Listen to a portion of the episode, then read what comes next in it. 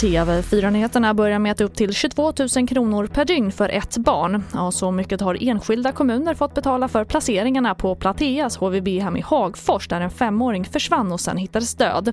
En kvinna som tidigare jobbat på Plateas HVB-hem säger till SVT att socialtjänsten krävde att man skulle ha två, tre eller kanske fyra resurser på en klient och betalade för det. Men i verkligheten sattes inte de resurserna in.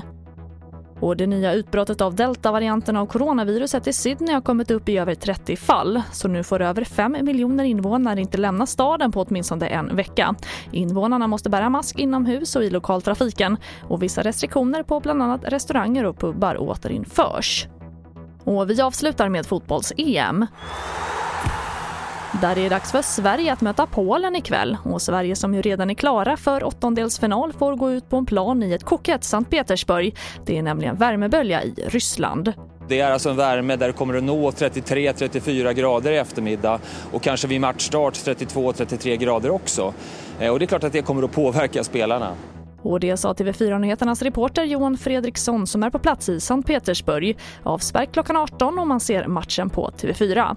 Och det får avsluta TV4-nyheterna. Jag heter Charlotte Hemgren.